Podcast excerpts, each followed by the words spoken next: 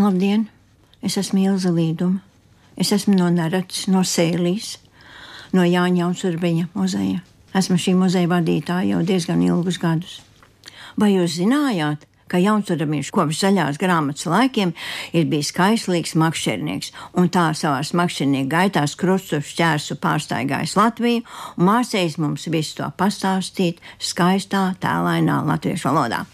Viņš ir tik tālu aizrāvies ar makšķerēšanu, kad pat ir paspējis sarakstīt grāmatu. Nu, pareizāk sakot, gan viņš rakstīja atsevišķus tēlojumus, atsevišķus stāstus, kurus pēc tam izdeva periodikā, un jau 21. gadā pagājušā gadsimta pirmo reizi izdeva grāmatā. Un tā nu lūk, mēs pagājušā gadā, 2021. gadā, svinējām šīs grāmatiņas ar viens nosaukums ar makšķeri, otrs nosaukums ūdeņi, simto dzimšanas dienu. Viņš ir makšķerējis ne tikai Latvijā, viņš ir makšķerējis arī, arī Kaukazā, Eiropā. Jo mēs visi zinām, ka 44. gadā viņš emigrēja uz Vāciju, un tad arī tur bieži vien viņš makšķerēja. Kāpēc makšķerēja? Vai tas bija viņam tikai vaļas prieks? Nu, nē, nē, nē. Dažkārt tā bija vajadzība, lai ģimene iztiktu, lai arī kaut ko iemainītu, arī pret kādu pārtiks produktu. Un dažkārt tas bija ļoti veiksmīgs barterdarījums. Piemēram, es eju uz citu vietu, katrā līkumā man veicas, Pievakarēs noskatos tuvāko māju un dodos turp. Reiz suņi saimnieks liek roku zemajai saulē priekšā un raugās manī.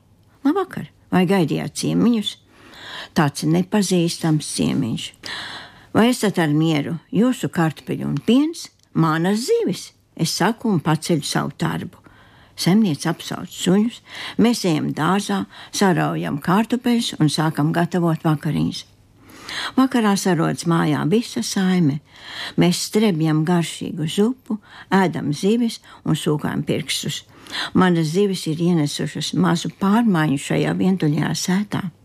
Kā svētvakarā mēs paliekam pēc vakariņām labu brīdi visi kopā uz garā sola istabas priekšā un runājam par visu, ko, kas ienāk mums prātā. Grāmata ar makšķeri, ceturtā nodaļa. Palasiet paši, ja neticat. Un, bet kā jūs domājat, vai viņam vienmēr gadījās ļoti labs loms? Nu, nē, nevienmēr. Tas ir Pirmā pasaules kara laikā, kad viņi ir evakuējušies no Latvijas. Viņi dzīvo Kaukazā. Jaunsurbiņš arī tur pārstaigā, šurpu turpu ar savu makšķeri, ķer zivis, iemaina pret citiem produktiem, dažkārt uzdāvina, dažkārt palaiž zivis vispār brīvā vaļā. Un tad nekādā reizē viņš sēž pie skaista ezera Un pēkšņi pienāk kāds kungs un prasa viņam, vai viņam ir atļauts karte te makšķerēt vispār. Jā, viņš saka, nē, nu nav man tādas. E, šeit vajag karti. Ezers ir mans īpašums, jums jāmaksā 21 kapeka par katru makšķeri un par katru izmetienu. Tad iedomājieties, cik tas ieejas, izmet desmit reizes, un man ir divas makšķeres. Ojojoj! Jauns Rabiņš ļoti lepni atbild: Nē, Es nekad, kungs, neesmu maksājis, un arī netaisos jums maksāt. Nu, viņš satina savus makšķerus un dodas projām. E, laipnais kungs viņam saka, tā, nu, ziniet, ja jūs vēlaties kaut kur makšķerēt bez maksas, tur mazliet uz augšu pakalnā ir vēl viens ezers, vēl skaistāka vieta. Tur jūs varēsiet vērot dabu un makšķerēt. Jā, es satinu makšķerus, es dodos projām, tā jau zara viņš.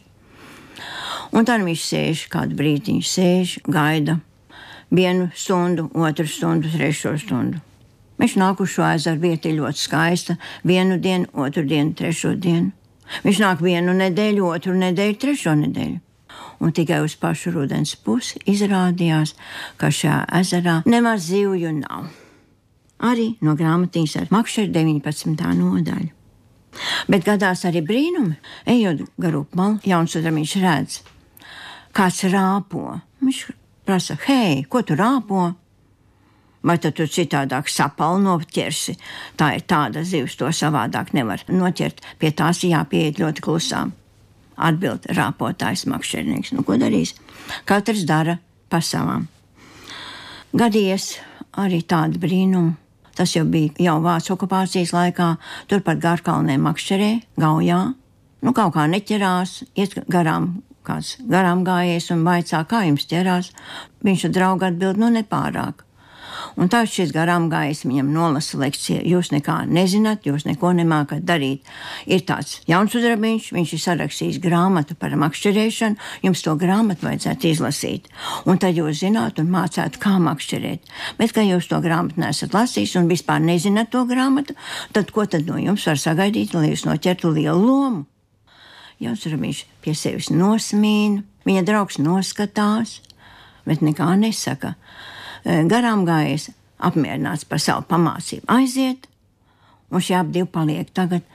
Draugs viņam vaicā, bet kāpēc tu nesacīji, ka tu taču esi tas pats? Jaunsuramīs savukārt atbild, man bija liels prieks par to, ka viņš vispār ir lasījis grāmatu. Te vienkārši parādās mums viņa izcilā kautrība, neizrādīties, neizlikties labākam, neizrādīt sevi kaut kādā veidā. Nu, tā kā arī tāds viņš mums ir. Palasiet šo grāmatiņu. Tur ir tāds dabas apdziedājums, tur ir tāda apraksts par ūdeņiem, kas mainās un izmaina arī mūsu un mūsu dzīvi. Varbūt arī jums izdosies noķert kādu zivi, lielu vai mazu, to es jums nevaru pateikt. Es pat nemāku makšķerēt.